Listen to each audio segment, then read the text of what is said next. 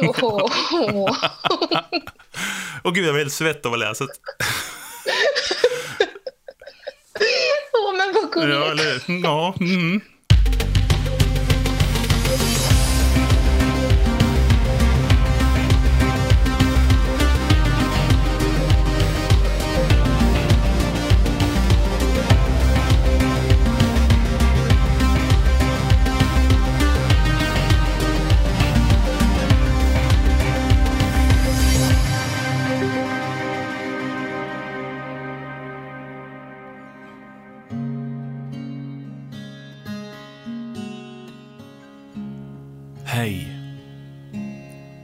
Välkomna till Ismail Atarias podcast.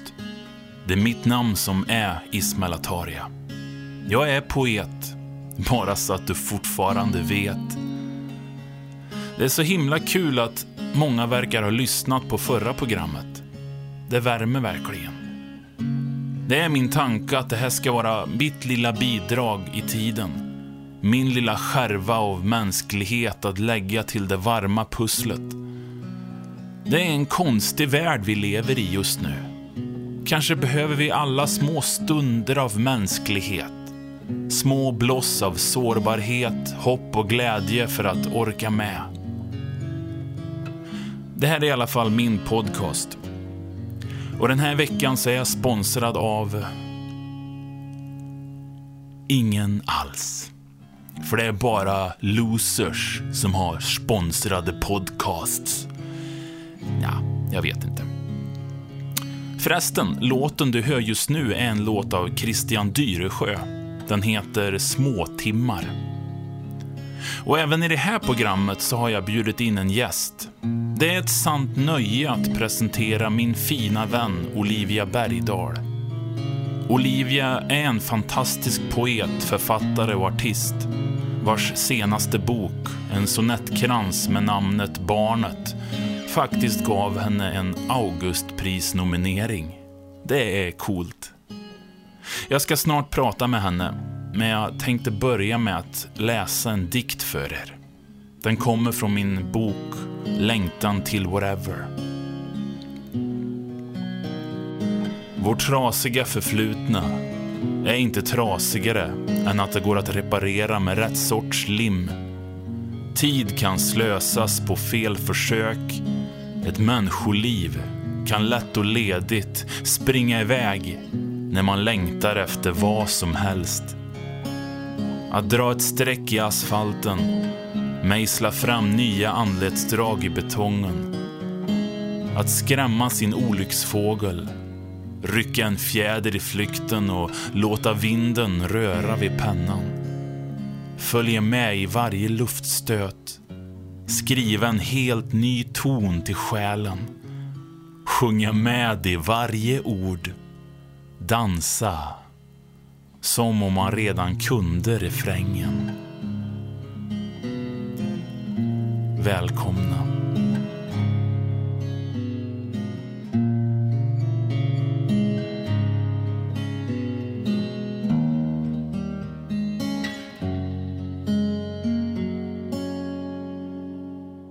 Ja, välkommen Olivia Bergdahl. Tack så mycket. Uh, ja, hur är läget?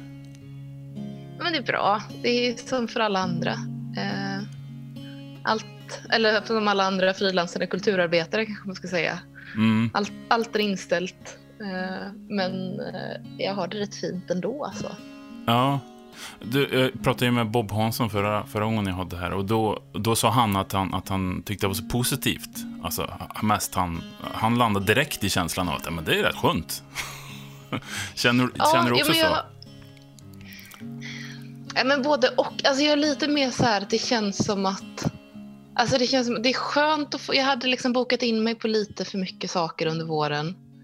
Och jag behöver egentligen inte så akut pengarna som det hade varit. Så att jag har det liksom väldigt tryggt så att det är så här, ja, men det är ekonomiskt lugnt. Och jag har egentligen bara fått en sån gratis vår när jag får göra vad jag vill.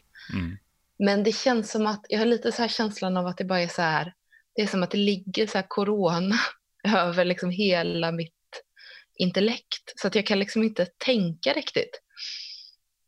Att, och så, så typ läser man tidningarna och där står det på alltså alla liksom så här, ja, men både nyhetsflödet och sen alla så här krönikor och ledartexter och så här, det är liksom bara så pandemi. Eh. Det är som att jag saknar lite att bara tänka på någonting annat. Typ. Nej, men jag upplever också det där. Men, men jag, jag tänkte också någonstans, ja, skönt, då kan jag så här, skriva nu och nu har jag, kan jag försöka avsluta den där boken som jag håller på med om allt sånt där. Men jag, jag har känt liksom att det har, det har inte funkat riktigt. För jag, jag, känner också som dig att mitt sinne och mitt mod är så inställt på världsläget just nu, så det är svårt att få, det är svårt att kristallisera tankar tycker jag. Mm. Men, men känner du att du har börjat vänja dig lite nu vid, vid det här? Ja, tyvärr så har man ju det. Det är lite sjukt egentligen. Man har vant sig, vet mm. lite grann sådär. Jag går inte heller in längre och tittar så mycket på, på så. Och jag, jag tittar inte ens på, på presskonferenserna nu på ett tag heller liksom. Och det är ju det är, det är bra, liksom, så men ibland kan jag få, liksom, så jag och min sambo är väldigt mycket ute i skogen och fiskar har ju varit och sådär. Och det är ett bra ställe att vara på. Men ibland får jag så liksom, lite ångest att jag kan tänka, gud, vi, vi är ut. Vi, vi är ute och går, som vanliga människor. I naturen, kan man göra det? Man känner sig nästan lite så här syndig på något sätt när man går ut, på något sätt. Men det tänker jag, alltså, för jag bor ju, jag bor ju i Göteborg. Och jag bor verkligen inne i stan också. Eh, och mina föräldrar har liksom hängt ute på landet nu Eh, och så var de inne, för, eh, de var inne i stan och så träffade jag dem på så två meters avstånd eh, såklart. Men de var ju helt chockade över hur, alltså just när man, när man är liksom i centrum sådär, över hur nära folk är varandra hela tiden och att det så här, rent ytligt sett ser ut som att allting är på van, som vanligt. Typ. Så jag, tänker, jag tycker inte alls att du behöver skämmas över att du åker ut och fiskar. Nej, nej, jag vet, jag vet. Men ändå får man liksom så här... Och, och det, det, är lite grann ibland att jag glömmer bort att eh, pandemin, så här, när det är fint väder och man trivs och det är rätt skönt, så, här, så, så kommer man på, just det, det är en mm. pandemi, ja. Ah, och så får man lite panik liksom. Plus att det känns som att det är en smitta var man än kommer i samhället också. Att, att, att så här, Uh, nu, är det Teise, nu, nu är det inte störst i Stockholm, utan nu väntar vi liksom så på en topp ute i landet också. Så kan jag uppleva också. Ja. Uh, och den, det kan fyllas med panik för vissa dagar och så. Men, men annars är det ganska lugnt, liksom, förutom rädslan för att jag och mina nära ska smittas. Liksom. Ja. Uh, märker att det är så jag först. så hemskt är det inte. Alltså, jag är inte mest rädd för mig själv, jag är mest rädd för, för mina föräldrar egentligen och min sambo och sådär. Men... ja, med, stor, med stort jag också. Ja, nej. nej. men jag ser det. Jag, tänk, jag, tänker att du är mer orolig för dina föräldrar. Jag hoppas att du är mer orolig för dina föräldrar. Ja, absolut, absolut.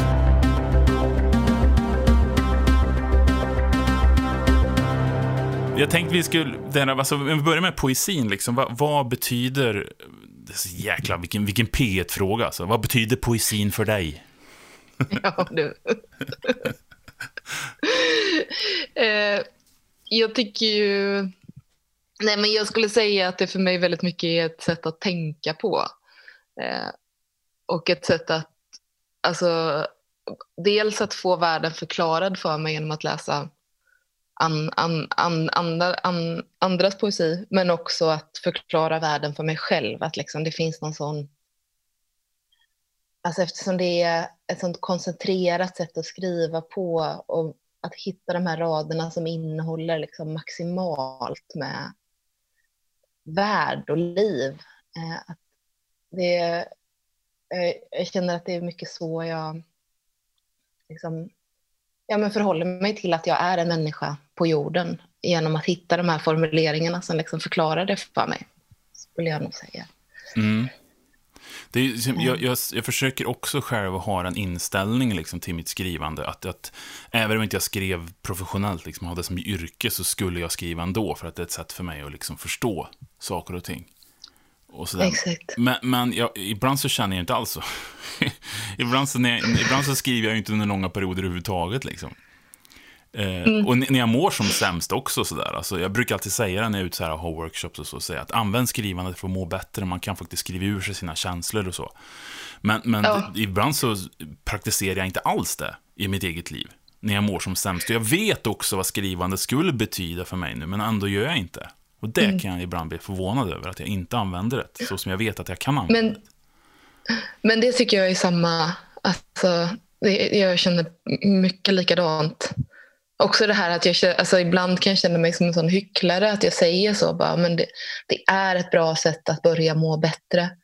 Men jag vet ju att när jag själv mår dåligt så är det ju liksom så fort, alltså när jag börjar skriva om det som jag behöver skriva om, då mår jag ju redan bättre än vad jag gjorde innan. Mm. Alltså när jag mår som sämst så är det tyst. Liksom. Ja, precis. Men har du också upplevt det där när du sätter dig ner, när du väl sätter dig ner och skriver om du har en jobbig period, och så märker du den här häftiga känslan av att, att det lätter faktiskt. Bara de första orden, om man formulerar sig, sina känslor på ett papper sådär, så känner man att de lätter samtidigt också. Ja, men lite, jag tycker inte att det är vid de första orden, men mm. kanske det tionde. Ja. Eller tjugonde ordet. Att det är ofta det där att liksom... Och jag tänker att det också det, alltså att det är svårt att göra det när man mår så här riktigt jävla dåligt. För då, ork, då tror inte jag att... Jag kan känna så i alla fall, att jag inte orkar ta mig igenom den där liksom...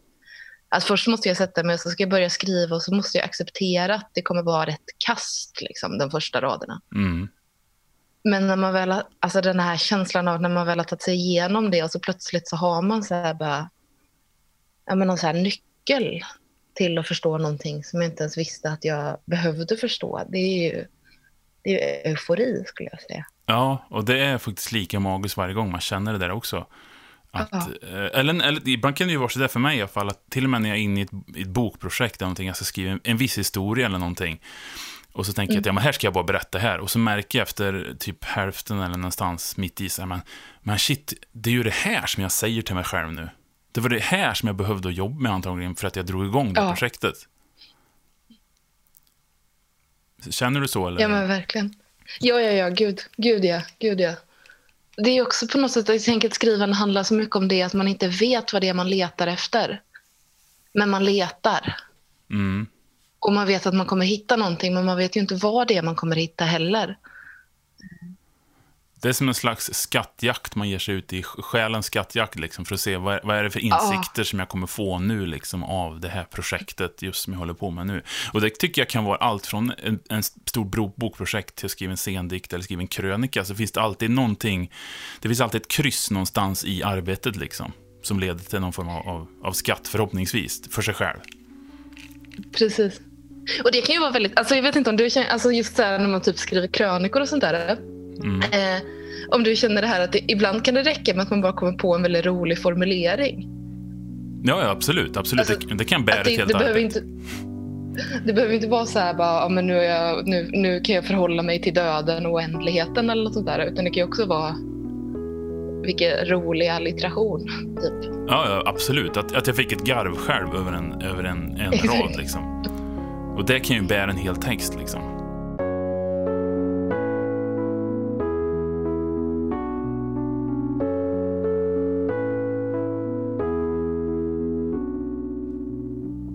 När jag för en vecka sedan städade kontoret så hittade jag ett fotografi i en byrålåda. Ett fotografi där jag är i 14-årsåldern och går i högstadiet. Jag står utanför familjens husvagn. Jag har min pappas gamla täckjacka på mig och på huvudet en NHL-keps. Det är tidig vår. Kanske är det påsklov. Det jag framförallt lägger märke till är den där blicken. Killen på bilden mår inte bra och det syns i hans ögon. Jag kan se hans inåtvända lidande hur han stålsätter sig för att ingen ska märka. Jag känner till den där unga killens osäkerhet. Hur högstadiet mest är en kamp för honom. Jag skulle inte kalla honom mobbad, men det är en skör linje han balanserar på. En tunn gräns mellan att vara utsatt och lämnas i fred. Och han har utvecklat så många strategier för att hålla sig gömd i vardagen. Han har lärt sig hur många minuter han bör vänta vid det rostiga cykelstället för att de tuffa killarna ska hinna försvinna. Han vet också vilken minut han behöver gå tidigare från lektionen för att komma före till samma cykelställ. Han har lärt sig att det är bättre att duscha hemma efter gympan för att slippa snärtas med de ihoprullade handdukarna. Han har lärt sig ta omvägen över skogen då det är kramsnödag för att undvika de gråvita bollarna som viner över skolgården. Han har lärt sig att hans känslighet är något som till varje pris bör gömmas undan. Han har sakta men säkert förvandlats till en tyst vålnad som håller sig till kanterna av korridoren. En av skuggorna som gömmer sitt hjärta i sin hårt knutna bräcklighet. Allt det där kan jag se i den där blicken. Och det är smärtsamt att som vuxen inse att ungdomen mest bestod av tvivel och självhat. Tänk så mycket tid jag la ner på att säga till mig själv att jag var ful, dum och värdelös. När jag nu ser det där fotografiet som vuxen så vill jag sätta mig i en tidsmaskin och åka tillbaks. Jag vill gå fram till den där killen och hålla om honom. Jag vill berätta för honom att han aldrig ska ta skit. Aldrig be om ursäkt för vem han innerst inne är. Men jag vet att det är svårt. För jag har ingen sån tidsmaskin. Det är svårt att glömma bort vem jag en gång var. Men, men är, är du, Bob frågade mig i förra samtalet om jag var en nostalgisk person. Är du en nostalgisk person som tänker tillbaks mycket och så? I allra högsta grad. På ett sätt. Eh, jag har funderat en del över, eller tänkt en del på nostalgi. Eh, och jag tänker att det är, alltså, jag tänker att det är rätt vanligt om man har ett kreativt yrke. Att man är lite nostalgiskt lagd. Alltså, och det här är verkligen bara en sån arbetshypotes som vi har. Men jag tänker att om man, alltså när man arbetar, alltså när man ska göra konst så måste man ju på något sätt ladda saker och ting hela tiden. Och man måste vara lite av en romantiker, tror jag. Det finns säkert massor med människor som protesterar nu. Men, men just det där, jag tänker att nostalgi handlar ju så mycket om romantik och att man bara, ja men jag har den här, för jag, jag är sån där, jag är värdelös på att slänga saker så jag har ju massor med sådana, alltså typ kläder och sånt där som jag har liksom haft sedan jag var 13 och som fortfarande, som fortfarande ligger kvar liksom. Mm. Eh, och att jag, det är på något sätt som att jag behåller dem för att de har ett värde som inte handlar om det liksom värdet som de har i sig utan att det hjälper mig att minnas och hjälper mig att komma ihåg saker. Och då blir det något så här, mm. jag tänker att det handlar om romantik. Eh, Ja, det är ju det. Jag hänger verkligen med. Alltså, jag har ju också kvar vissa saker sådär sen, sen, min, sen min barndom och saker som inte jag kan ge mig av med. Som är liksom min madeleinekaka på något sätt som jag använder för att komma ihåg mm. vissa tider i mitt liv. Uh, och nu kanske det som inte alltid är litterärt sitter och lyssnar på och tänker, vadå madeleinekaka? Vad fan är det för någonting? och jag orkar inte att förklara känner jag. Men har du läst Proust? Ja, jag, jag började, jag kom halvvägs. det är ändå, det är, jag, jag, jag har väl kanske läst 20 sidor eller något sådär. Ja. Mm. Ska. Men, men det, det, är just att man använder det där, vissa saker för att komma ihåg. Liksom. Så jag, jag är likadan också. Jag, jag hittar min gamla nian, min skolavslut. Min, så här, vet, man gjort sådana här, vi är lite åldersskillnad oss. Vad är, det, vad är det, tio år mellan oss? Eller hur, hur många är det? 89 är jag född. Ja, och jag är 81, så det blir tio år. Ja. Uh, jag gjorde avslutningströjor och sånt där. Typ eh, varje klass gjorde sin egen, tröja och så var det tryck på framsidan. Så på, på, på ryggen så skrev man namn så här, på, på alla i klassen skrev sina namn. Liksom. Och sen trycktes ja. de där upp liksom. Mm. Jag hittade min häromdagen så där, och blev sen nostalgisk. Och så, och så tänkte jag på trycket, så här, det, en kondom som spricker och så står det en massa spermier som rinner ut. Så, här, så står det liksom äntligen fria. 9B. Så otroligt pubertalt. Ja. Vä väldigt så här äh, daterat på något sätt. Mm. men, men då blev jag så nostalgisk när jag tog den. Liksom, och, och, så. och, och mm. då kommer jag ihåg, vips, så kommer man tillbaka till alla känslan, eller känslan när man stod på högstadiets skolgård. Och liksom, man kommer tillbaka till lukterna, till känslan mm. och sådär. Och jag märker själv att herregud, jag är snart 40 liksom. Men fortfarande så kommer jag tillbaks väldigt ofta till min högstadieperiod. Och roter i de, i de ja. tankarna. Så här. Herregud, jag är ute på skolor liksom och, och föreläser fortfarande om min högstadieperiod. Liksom, och pratar väldigt mycket mm. om den och sådär. Uh, och jag skämdes faktiskt för ett par år sedan att jag, att jag fortfarande är så mycket i den perioden. Och pratar liksom så här. Mm. Uh, och varför, varför, varför, vad det är i den perioden i mitt liv som man riktigt aldrig kommer ifrån på något sätt. Är det likadant för dig? Ja, på ett sätt. Alltså det, men jag tänker så mycket på så här högstadiet, att det är liksom... Det är på något sätt först, det är första gången man är, man är sig själv på något sätt. Eller det är kanske första gången man misslyckas med att vara sig själv. Eh, och att och jag kan ju liksom...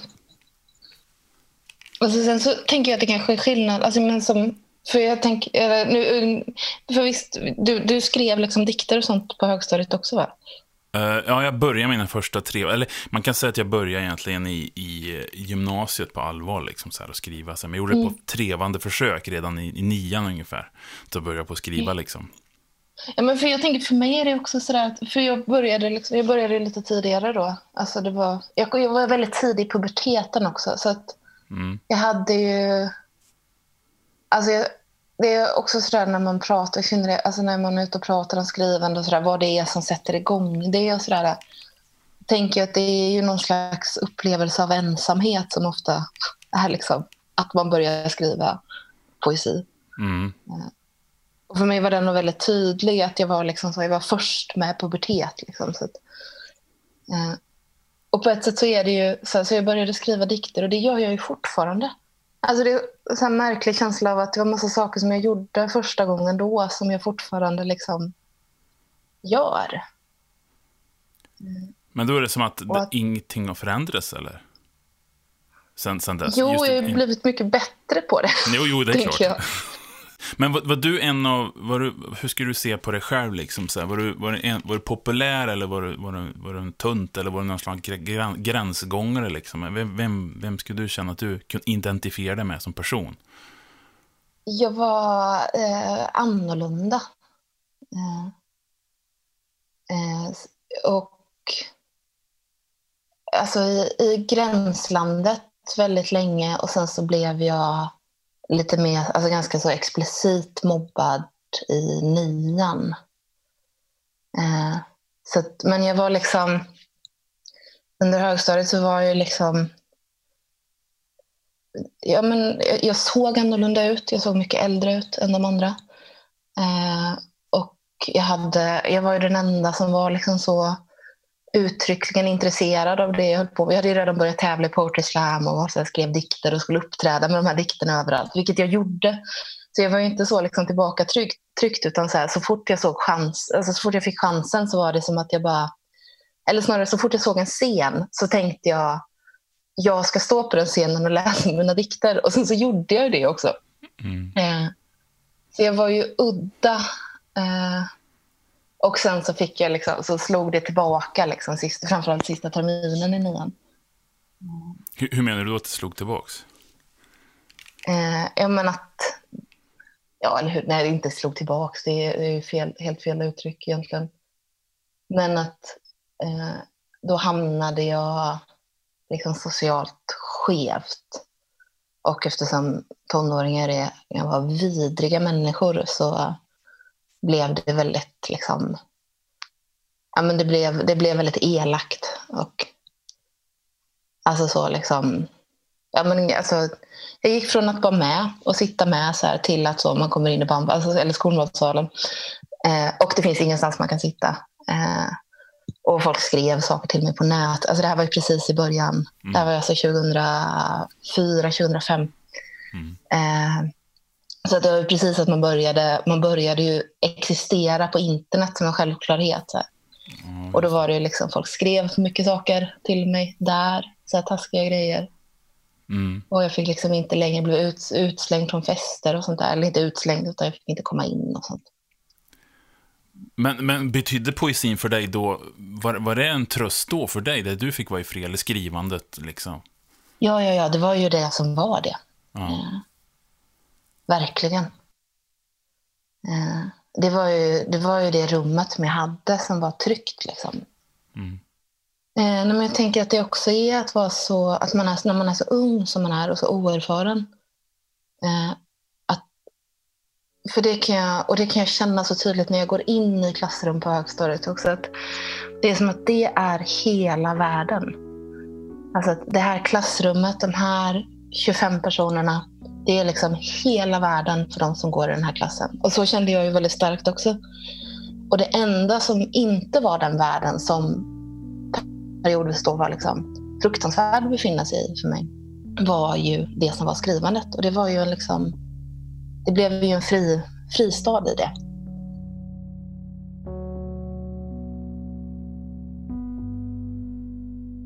Jag hade alltid sådär också, jag hade väldigt mycket sådana här hämndtankar när jag gick i högstadiet. Ja, men inte hämndtankar, hämndtankar som något destruktivt, ni vet så här, som, som Car Carrie, liksom, att jag skulle tända eld på hela skolan, sådana hämndtankar. Utan att man skulle ställa sig på en scen någonstans. Jag var också så att jag sökt mig, sökt mig till scener. Jag var liksom ganska utanför och ensam, men ändå skulle jag upp på scen jämt när det fanns en.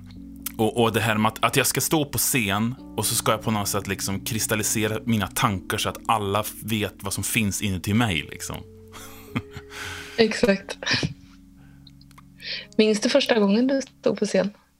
Första gången jag stod på scen var i, eh, vi hade en, eh, eh, någon form av, jag stod ju på scen tidigt i mitt liv i och för sig på olika sätt, liksom så här, i klassrummet när det var roliga timmen och sådär. Eller det var mest roliga Mm. timmen för mig själv tror jag.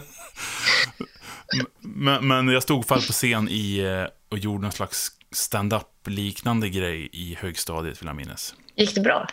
Ja, men det gjorde ju det. Det kändes så här, det här kan jag. Och det kändes som att alla andra som var med, jag var ju en, en tunt liksom, som inte alla, som ingen såg till och sådär. Men när jag stod på scen, det var som att, okej, det, det där kan han. Det där kan han. Men vi, vi, jag fick liksom ingen cred av dem, men, av de andra liksom, så här. Nej. men jag fick ändå någon slags känsla av att det såg att det här kan du. Eh, Så jag fick någon slags respekt ändå, sådär, på något konstigt sätt. Men det finaste minne jag har egentligen, det var när jag skrev en, vi skulle skriva noveller på, i svenskan sådär. Och så skrev jag en novell som heter Väskan, kommer jag ihåg.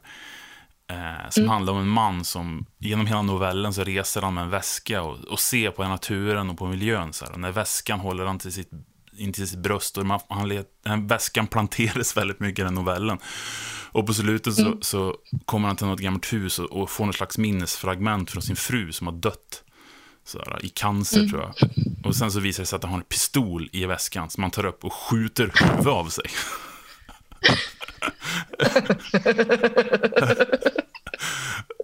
Jag trodde du skulle säga att han hade sin fru i väskan. Ja, precis. Det var ännu mer twist på det. Nej, han sköt sig. Det var första gången som jag skrev någonting som inte var så här uh, fiction, du vet, eller fantasy eller sådär. Jag skrev någonting som var känslomässigt så.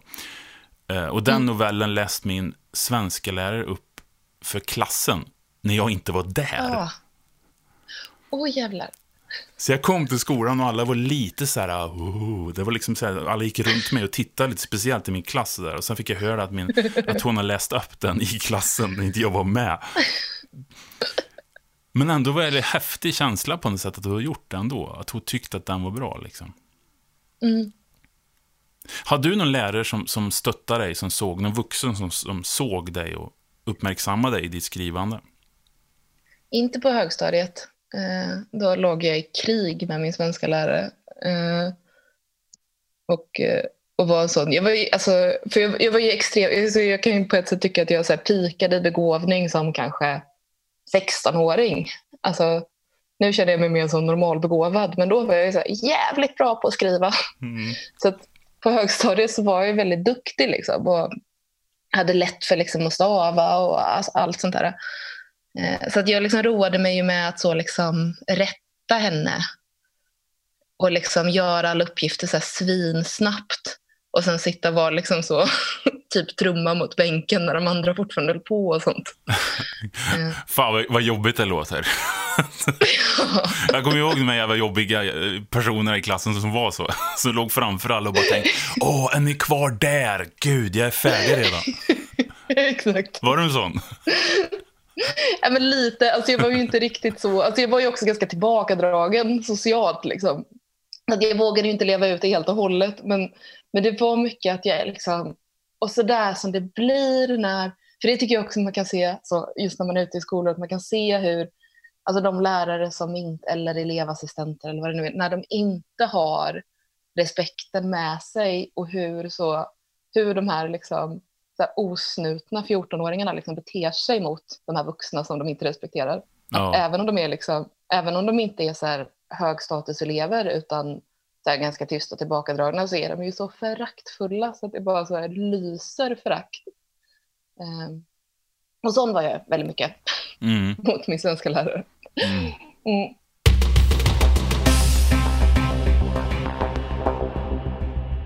Vad hade du för så, klädstil?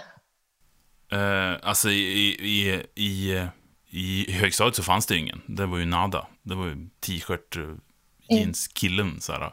Och jag hade jeans från galne Gunnar också. jag bodde i en väldigt liten, liten by också, så det fanns ju liksom inte... Det fanns ju inte liksom... Jag åkte lite snowboard ett tag, så här, hade lite skatekläder, men det var svårt att få tag på kläder tyckte jag. Och så kom det så här, de coola killarna kom till skolan liksom i, i såna häftiga saker så där. Och så, och så kände jag liksom, vart får ni tag på allt det där? Jag, vet inte vart man får tag på sånt där överhuvudtaget. Och min mamma har sagt Nej. så här, men har, om du har sagt till så har vi ju köpt detta. Liksom. Jag förstod inte vart man fick tag på saker och ting. men, men hur såg du ut då? Ja, men jag hade ju då... Eh, ja, men på högstadiet... Ja, eh, jag, jag var ju väldigt liksom... Jag jobbade ju hårt på, på min stil då.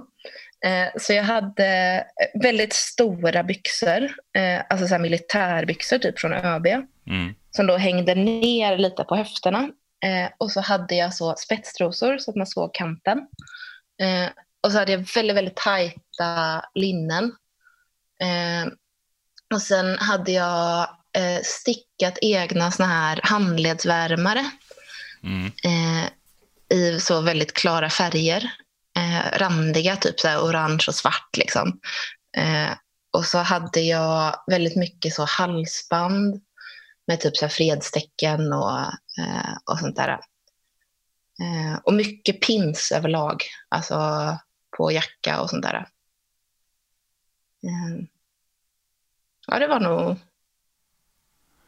Men det låter som att, Converse då, men det hade ju alla. ja, men det låter som Eh. att du hade en utarbetad stil. Mer. Ja, jag var ju också väldigt ensam om min utarbetade stil. Ja. Det är lite det jag menar med att jag var, liksom så här, jag var konstig snarare än utanför.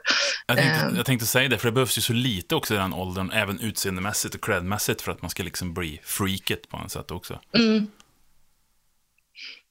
Eh, Men, jag, ja.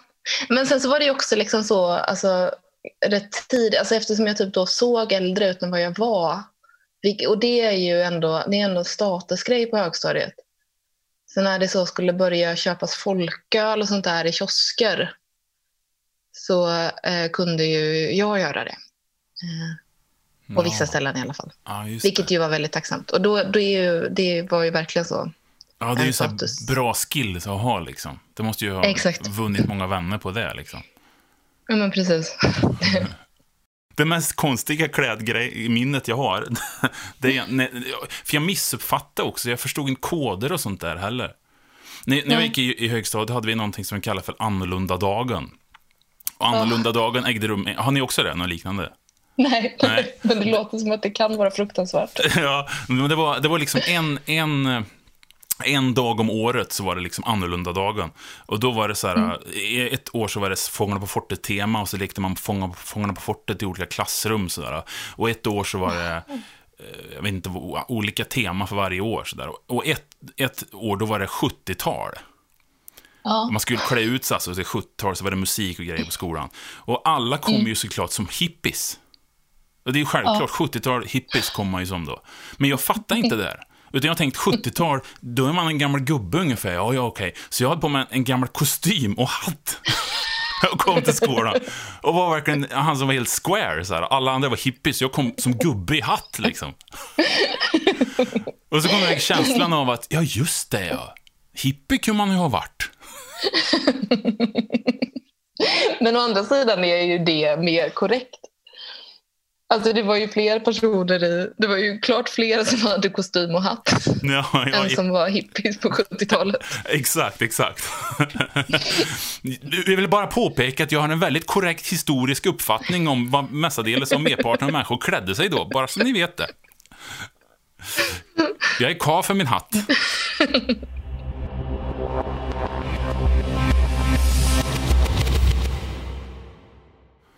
Men, men var, var du en sån som, som, som festade tidigt eller liksom, och var ute? Ja, liksom det var jag. Eh, eller jag var liksom med. Det där är så, det tycker jag är så. För det började ju i åttan på min skola kan man väl säga. Alltså i min årskull så var det liksom. Mm. De flesta, alltså de som inte var töntar då. Eh, I stort sett började då festa i åttan. Mm. Så jag var, så här, jag var full första gången på nyårsafton när jag gick i åttan. Och, så där.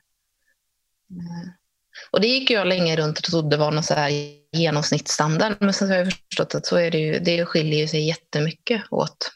Eh, Jag upplevde inte själv att jag var tidig med det, så kan man väl säga. Mm. Eh, På den tiden. Men jag vet inte, hur var det för dig? Nej, jag, så jag började nog inte på att dricka någonting förrän i, sent i gymnasiet egentligen, på allvar sådär. Ja, ja, ja. Sådär. Utan jag, jag var liksom såhär, jag var, jag var ju som en liten gubbe, vet du. Jag var ju det. Jag var ju såhär, nej, jag ska inte börja dricka förrän jag blir 18. Det, så är det. Det är svensk lag. Ungefär så där var jag lite grann nästan. Gick ut på vintern och mätte snödjupet och skrev upp en liten bok så här. Oh, 15 centimeter idag. Oj, oj, oj, oj, oj. Men hade du några kompisar? Ja, i, i, i, perioder hade jag väl någon. I högstadiet hade jag typ två, tre vänner så där i perioder för att döva min ensamhet med. Men var de, Jag tror vi de dövade varandra med vår ensamhet liksom. Vi var ensamma tillsammans för det kändes, kändes mindre ensamma. Sådär, så Nej, det- så det de var gick- liksom inte samma, det var inte samma stil på dem eller vad man ska säga. Jo, jo, absolut, absolut. Mm. Och jag kan ju ibland se de där, de där på, eh, på skolorna, liksom, så, här, så blir jag så varm, för jag förstår att ja, ni, ni har liksom varann så där, i ena lilla, Ja. i lilla ring, liksom, för att orka. Liksom. Och det finns ju kvar, även om mycket förändras, så de här strukturerna finns ju kvar i skolor fortfarande. Ja, ja, jag. ja. Det tycker jag nästan är... Alltså det... Alltså jag vet inte... Det är nästan, det, ibland känns det nästan som någon slags magi. Eller, det låter som att det, är alldeles för, det låter alldeles för positivt. Men det är som just den här känslan av att gå in i ett klassrum och man bara... Ja, där är de. Och där är de. Och där är de. Och så här, alltså, så här ser den här hierarkin ut. Alltså det är som att det, man läser av... Eller jag känner att jag läser av det så snabbt och lätt. Och, att det sitter i kroppen liksom. Mm.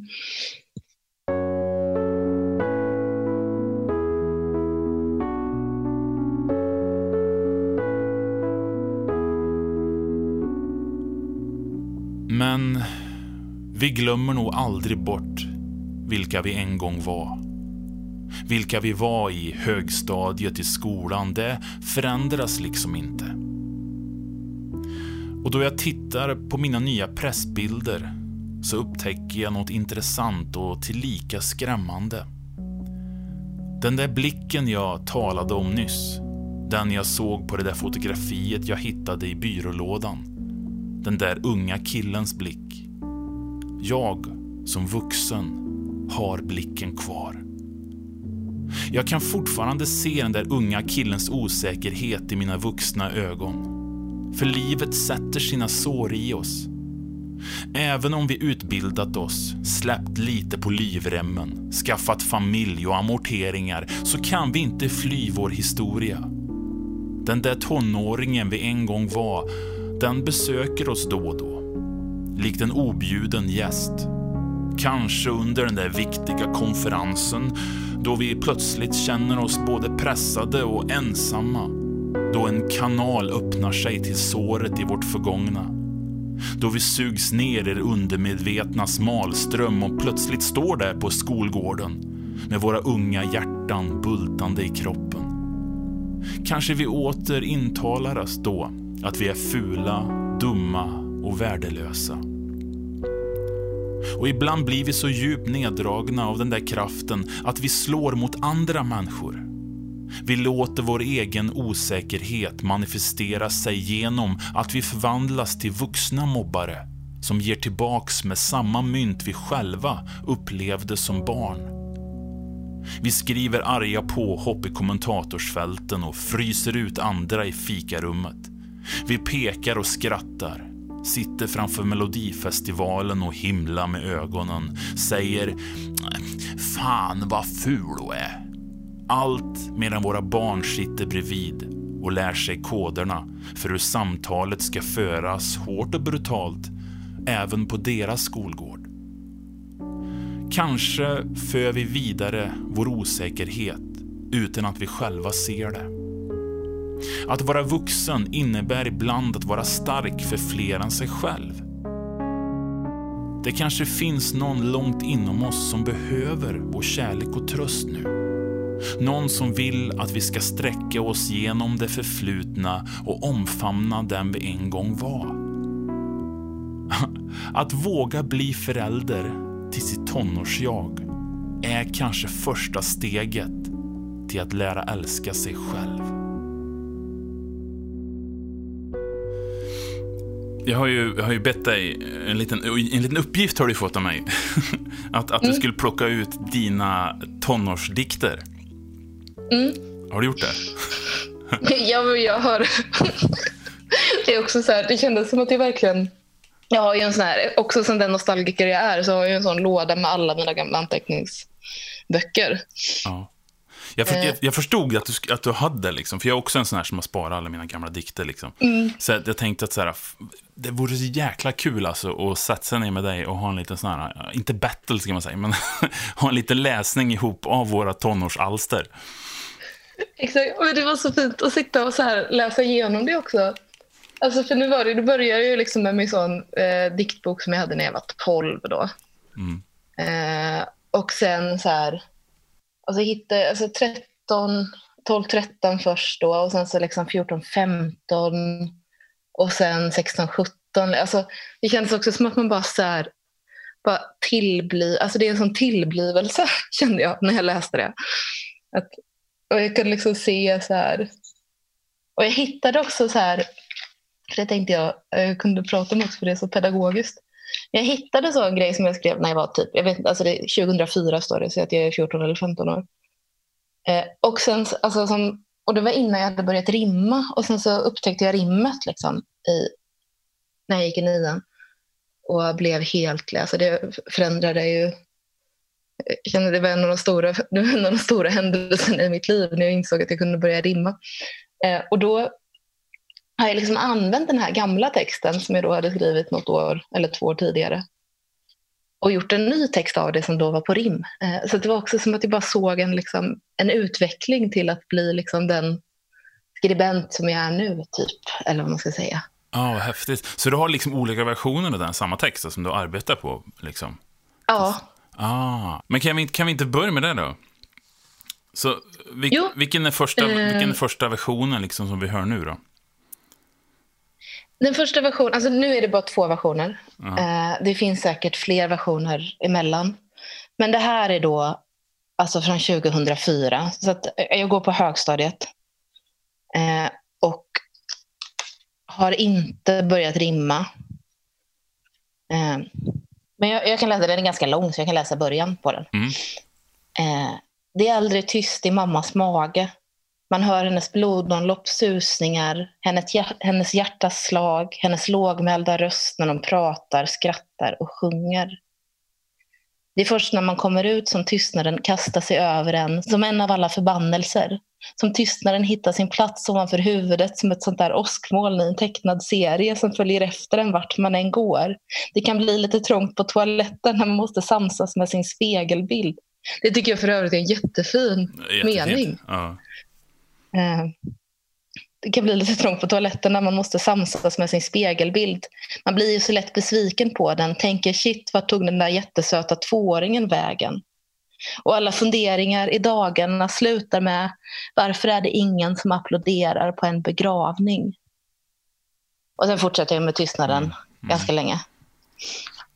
Uh, Men det är ju, Och sen då- Ja, ja, jag, jag, jag säger samma jag tycker. Eh, Men sen då som liksom 16-åring, jag tror det här var liksom typ när jag gick liksom på gymnasiet som det... Då hade jag liksom gjort om den så att den handlade om religion. Så den börjar precis likadant. Så här, det är aldrig tyst i mammas mage. Man hör hennes hjärta slå, hennes blodomlopp susa och hennes lågmälda röst när de pratar och skrattar och sjunger. Det är först när man föds som tystnaden kastar sig över en, som den grymmaste av alla förbannelser som kastas över en i det ögonblicket. Fylld med frågor man knappt vågar fråga om. Livet, döden, alltings intighet. Den skrämmande tesen att vi är en liten del av en oändlighet. Tystnaden mullrar mäktig, vi famlar efter svar och religionen är väl det bästa alternativet vi har, så jag säger det. Vi behöver religionen. Och sen drar det igång här då. Och börjar sen plikttroget plöja gamla testamentet men en bit in i femte Moseboken känns det bäst som rena skämtet. Herregud, hallå, här hittar jag varken nirvana eller 42. Är bergspredikan det enda man ska koncentrera sig på? För det känns som att man har ett hjärta av sten om man inte känner mer än så här för Frälsningsarmén eller Svenska kyrkan som är så leende och gudomligt snälla. Jag försöker förtränga alla homosexuella. Men det känns som att Gud är någon kasinodealer när så pass många trogna vittnen är pedofiler. Ja, och, så, och så fortsätter det i den, i den stilen. Men fan, det är, jag, känner, jag hör ju dig, liksom. jag, hör, jag hör verkligen din stil och hör verkligen dig. Ja, ja, ja. Det är ju som så grymt. Alltså, jag tycker inte... För jag vet att när vi pratar om det här så, så, så, så, så pratar jag om så att man skäms lite grann för vissa texter. Men det här, det här låter ju skitbra ju. Ja, det här är inte det mest pinsamma. Alltså, Nej, men kom dit det, verkligen inte. Nej, vad, vad grymt. Alltså, jag tycker att det... Eh, var, vet det här var mer att jag tyckte det var roligt att det verkligen var så här mm. en gammal text som sen blir en, en annan text som för mig fortfarande känns som en väldigt gammal... Alltså,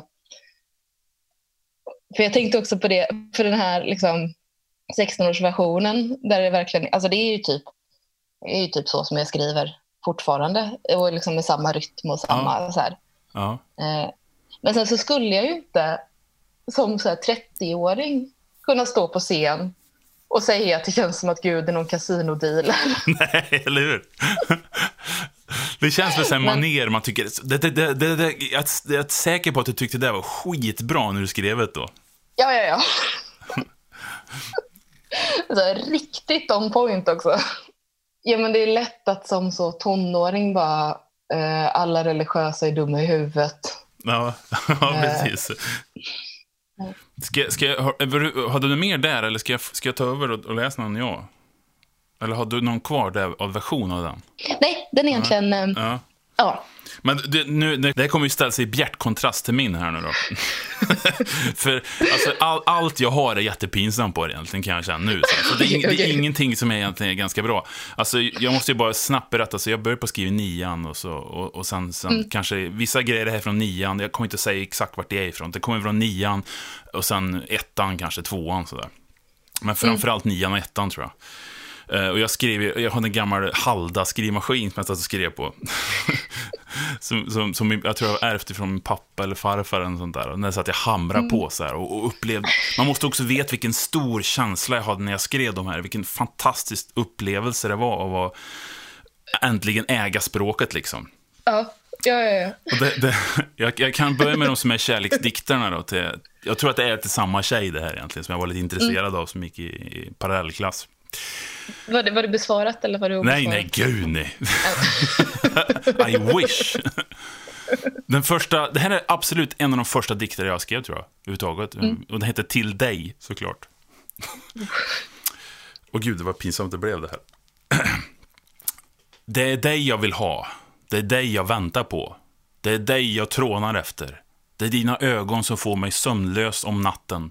Ditt skratt, ditt leende är skapat av en högre makt.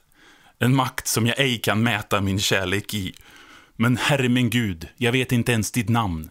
Men snart kanske jag vågar ta steget fram till dig istället för att beundra din skönhet på avstånd. Men kärleken kommer och går, men hos dig kommer min alltid att bestå. För den här dikten är till dig. Åh, åh. Åh gud, jag var helt svett av att läsa det. gulligt. Ja, eller Ja, mm. Men det är ju också det där, alltså, för det är ju också, för det, är också det där, alltså just det där att man plötsligt, alltså, men, alltså att man, när man hittar de här stora orden och bara, det, man får använda det. Precis. Mm. Man har rätt och, och, det, och det är en sån fantastisk känsla liksom. Sen, sen, sen kommer den här, den här en personlig favorit tror jag. Den heter Lärarinnan. Och det, det, det är så typiskt också, det är en sån här sexuellt oerfaren kille som, som, som vill att någon ska komma och lära mig alltihopa bara. jag, jag kan inte ta en ansvar, jag, jag vill bara bli lärd. och, och, och det, är- är massa stavfel, men det hoppar vi över. Ehm, Men, Snälla, kom och lär mig. Lär mig älska. Lär mig ta ansvar. Lär mig allt jag missat, allt jag drömt om och allt jag trånat efter. Lär mig bli min lärarinna och lär mig leva som jag aldrig levt. Lär mig uppvakta. Lär mig kärlekens mysterie, så ska jag berätta för dig hur det är att lida.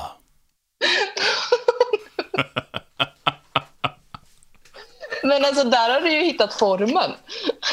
Ja, precis. Eller hur menar du Alltså, då? Nej men alltså där är det ju, det är ju tydligt en, en sån, vad, vad kallar man det, katalog, alltså sådär. Det är ändå en ty, sån tydlig diktform. Mm. Alltså meningarna börjar likadant. Ja, ja, ja, ja, precis. Exakt, exakt. Ja, exakt. Man kan faktiskt se en utveckling där från den första ändå. Men jag tror också att det är skillnad, för jag började skriva liksom, alltså jag hade inte riktigt någon sån ordentlig sexualitet igång Nej. när jag började skriva. Nej. Alltså eftersom jag var ju liksom, mellanstadiet är det ju mer, eh, det är inte riktigt, eh, det är inte riktigt där än liksom. nej, nej, precis. Men har du någonting? Ja, men jag kan ju se, alltså, eh, här är också de här liksom första, första. Här är ju, eh, alltså, för, alltså jag kan ju känna den här religionsdikten, det var ju lite, det var ju lite en av dem, liksom, det var ju en av guldkornen så att Ja, säga. ja verkligen.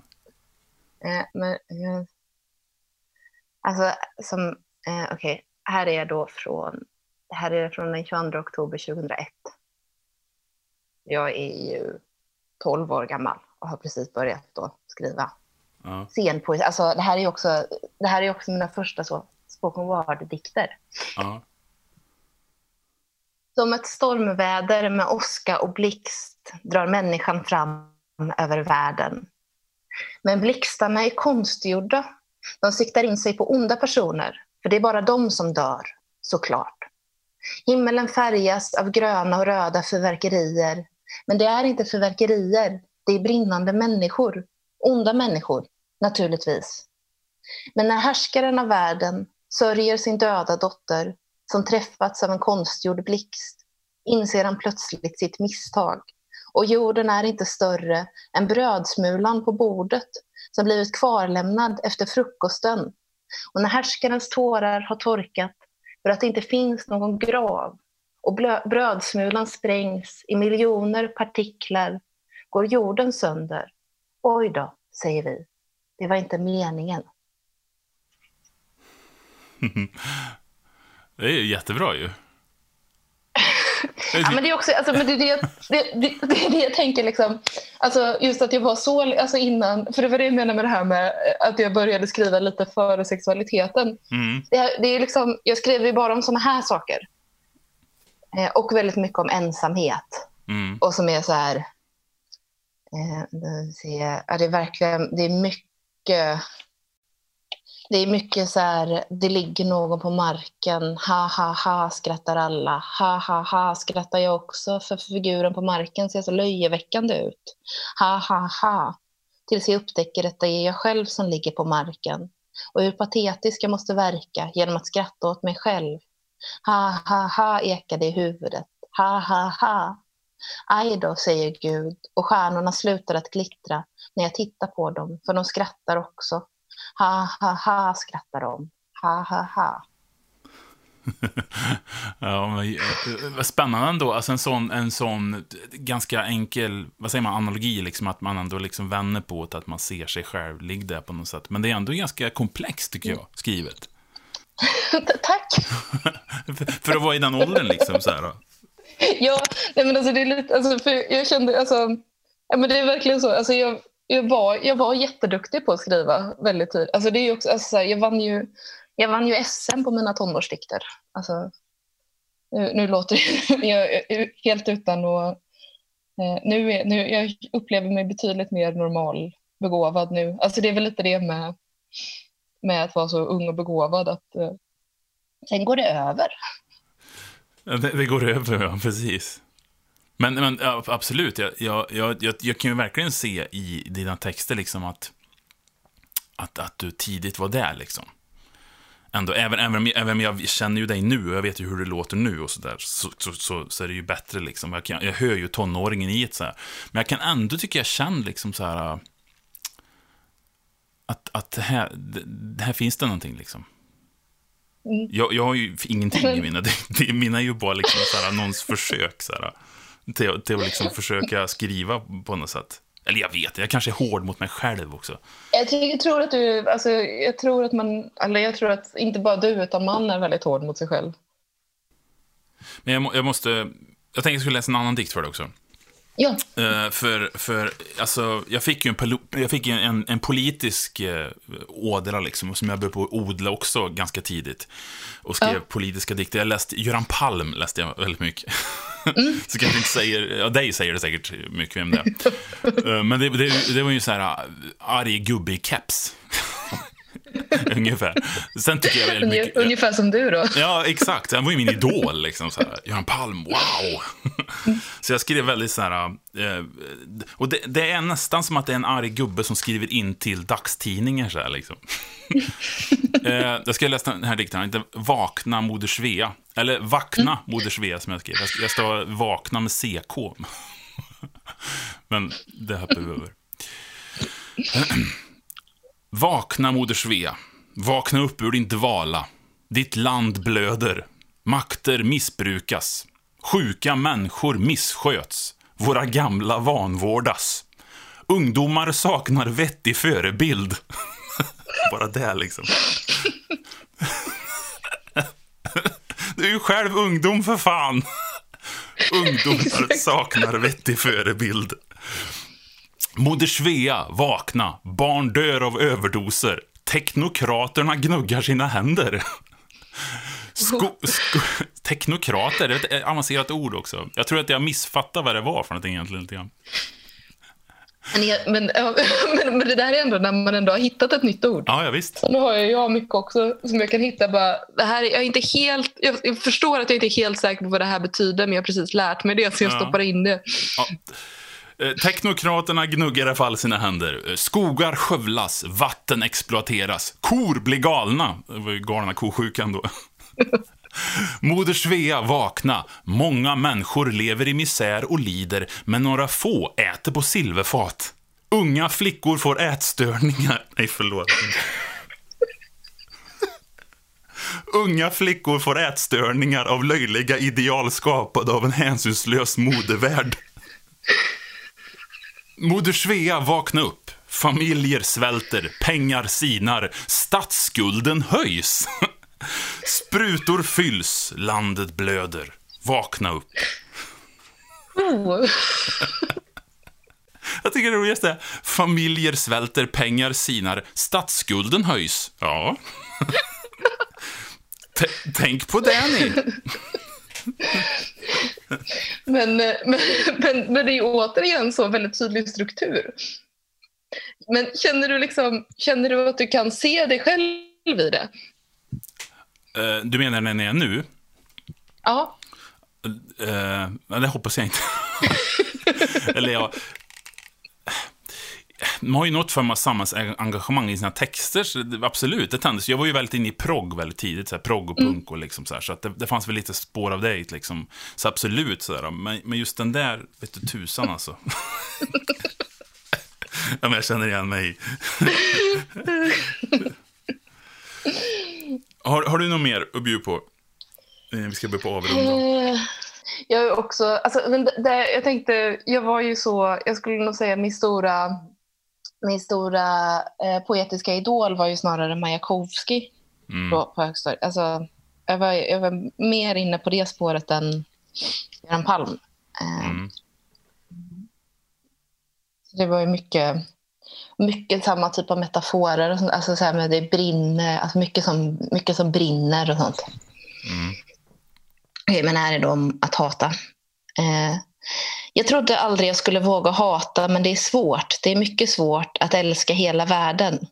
Och jag hatar att behöva säga det, men jag hatar, jag hatar för det är det allra enklaste, för att det är så skönt att hata, för att det är så enkelt, så simpelt, så pinsamt. Vi borde ha lärt oss mer och jag har skrivit en hatlista. Eh, jag hatar alla bundna former, vilket är komiskt för att jag har skrivit en sonettkrans. och, och typ ett halv, alltså bara några månader senare tror jag så började jag ju så skriva så franska ballader och, alltså, och sonetter. Mm, men jag hatar det. eh, och alla blickar och ensamheter. Jag hatar alla bundna former och alla blickar och ensamheter man inte kan springa ifrån. Jag hatar orättvisor och kanske lika mycket rättvisor för de är grymma. Jag hatar att stava fel och att någon säger att man är dålig. Man vet ju aldrig sånt, men man vill ju så gärna vara bra. Man vill ju så gärna att folk ska tycka om en. Jag hatar helgonförklaringar och autografjägare och onödiga gränser. Jag hatar murar. Jag hatar blyghetsmuren som förhindrar allt jag är. Jag hatar när orden kletar fast i gommen. Jag hatar att inte våga, att inte räcka till. Jag hatar att bara använda ord som förstås av de som lyssnar. Jag hatar att begränsas av sin egen gränsdragning. Jag hatar att gå runt i cirklar, att tappa bort nycklarna, att tävla i poesi och förlora. Jag hatar att ångestäta och ångestdricka och ångestslingra sig och ångestförsova sig och ångest inte sova alls. Jag hatar ångest. Jag ska aldrig mer ångra mig. Jag hatar lukten av diskmaskiner som fått stå alldeles för länge. Jag hatar att sova för lite. Jag hatar att grundtanken är pengar. Jag hatar att det är så dyrt att gå på bio. Jag hatar att tänka på hur jag ser ut för ofta och för länge och för noggrant. Jag hatar provrumsbelysning. Provrörsbefruktning har jag ingen uppfattning om. Bra att du säger det.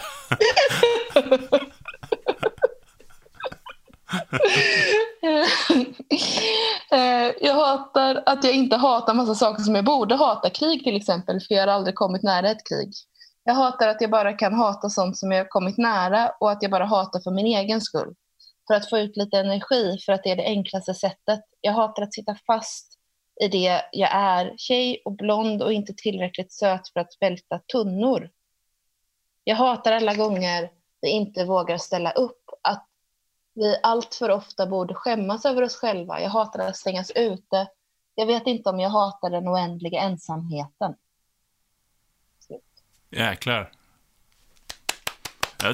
Alltså det, det, det, det, fina i det är att, att, att du staplar ganska mycket, mycket fina iakttagelser med såna här saker som är vardagliga för den i, just den åldern. Så här. Jag hatar att det är för dyrt att gå på bio. Exakt. och sen någonting stort så här, medvetet liksom om, om mänskligheten. Det... sen, jag hatar att, um, ja, sen, det är roligt. man hör liksom vilka, man hör kanske på ett sätt vilka som betyd, betyd mest ändå. Ja, men det märkliga är också, alltså med det som jag känner, alltså jag tänker att det är lite så, kanske som, som med Vakna Moder Svea. Mm. Alltså just den här känslan av att jag vet att när jag skrev, alltså jag var liksom inte överhuvudtaget inte medveten om vad det var jag skrev när jag skrev det. Alltså det är liksom den här, alltså, och det som också blir när man skriver, alltså när man, också när man arbetar med att skriva, att man, eh, nu är jag ju så medveten om vad, vad varje ord kan ha för associationer och hur de liksom faller sig i olika sammanhang och sådär. Men, men det kunde jag ju inte riktigt då. Alltså, jag hade ju bra rytm och, och sånt där, men jag hade liksom ingen, ingen riktig känsla än, så att säga. Nej, precis. Och det är det som är så härligt, tänk att få komma tillbaka till det egentligen. För nu, nu, det är som du säger, nu är man ju medveten om varje litet ord. Och ju mer ja. fängslad känner jag mig i språket ibland när jag skriver nu också. För jag vet, jag vet vad en, ett, en mening kan få liksom människor att, att sätta iväg tanken ett helt fel håll än jag har tänkt. Liksom. Alltså vilken, ja. vilken, vilken snitsig, snitslig bana det är man måste hålla sig innanför. Liksom. Och jag kan, jag kan sakna ibland den känslan man hade när man började på skriv då. Jag satt Ja. där och hamrade på min gamla Halda. Liksom. Att man, Ja. det, för det fanns ingen, fanns ingen tillstymmelse till att ha en slags respekt för språket. Liksom. De har bara använt det helt enkelt. Exakt. Och ansåg sig ha rätt att göra vad man ville med det också. Ja. På något sätt. Men kan du känna att det finns liksom, eh, alltså att du, alltså att du, att du kan skämmas över att du äger alla de här gamla dikterna som du har skrivit? Eh, att jag sparar Alltså- det liksom på något sätt. Så. Ja, Ja, absolut. Gud, ja. Det, det, ibland så att jag spar så mycket av det gamla och, och är och rotar runt i. Det var som jag sa i början, liksom, att jag skäms så mycket för att jag är, lever så nära den här perioden i mitt liv fortfarande. Och hämtar väldigt mycket näring i det och går tillbaka till det gång på gång. Men, men sen så, sen så, ändå måste jag säga att jag har landat mer och mer nu i att det är okej. Ju äldre jag blir känner så, så är det okej. Och jag märker ju att jag vet inte, jag tror att, det- att om man är ute och pratar mycket med ungdomar så, där, så märker man också att de lyssnar liksom, fastän det skiljer så mycket tid mellan oss, liksom, så, så, så märker man att det är inte så mycket som har förändrats på något sätt heller. nej. Nej, och det förändras, alltså jag tänker det viktiga förändras ju inte. Nej. Och jag märker att många äldre också när jag pratar om den perioden, ibland så kan jag, jag ska föreläsa för kanske äldre sådär och så kanske jag ska köra den här föreläsningen när jag pratar mycket med en högstadieperiod. Så kan jag bli så här skämmigt nästan så här. Men när jag börjar på prata om att alla tycker att det är fantastiskt och alla, jag tror väldigt många lever väldigt nära den perioden i sitt liv. Ja. Ja. Men, och, det, alltså, och det är det som är så spännande, för vad är det? Alltså varför? Vad är det man är när? Alltså är det att man gör det första gången och känner första gången? Och liksom att ingenting är som... Det finns ingen liksom... Man kan inte bli mer politiskt upprörd än vad man blev när man var liksom 14. Eh, och man, man kan inte bli mer förälskad. Man kan inte bli mer olycklig och inte mer ensam. Är det det liksom? Eller vad är, vad är det? Jag tror att det är lite så. Jag tror att man sätter ett vattenmärke liksom i den perioden i sitt liv och sen är det väldigt, tar det väldigt länge innan saker någonsin, man ens någonsin kommer upp till den nivån igen på något sätt, i Mm. känslomässig uttryck. Sen är det inte säkert att man som vuxen, när man ska upp, uppleva den känslan igen, så ska man tänka, men gud, jag tyckte jag det här var så häftigt och sådär. Men, men det är just minnet Ja. av det är väldigt stort liksom. Och jag, jag, jag, får för mig i alla fall att behåller jag den känslan akut i mig, lever jag med den känslan som att, att det var viktiga år på något sätt, så det spelar ingen roll om det var eller inte, det, det fortsätter vara det i mitt liv nu och ger mig Ja. en slags motivation till vad jag håller på med just nu. Mm. Att, att man gör den här tonåringen som man var, att man gör den lite stolt på något sätt. Jag vet inte. Exakt. Ja. Och ge den rätt. Det är väl också det.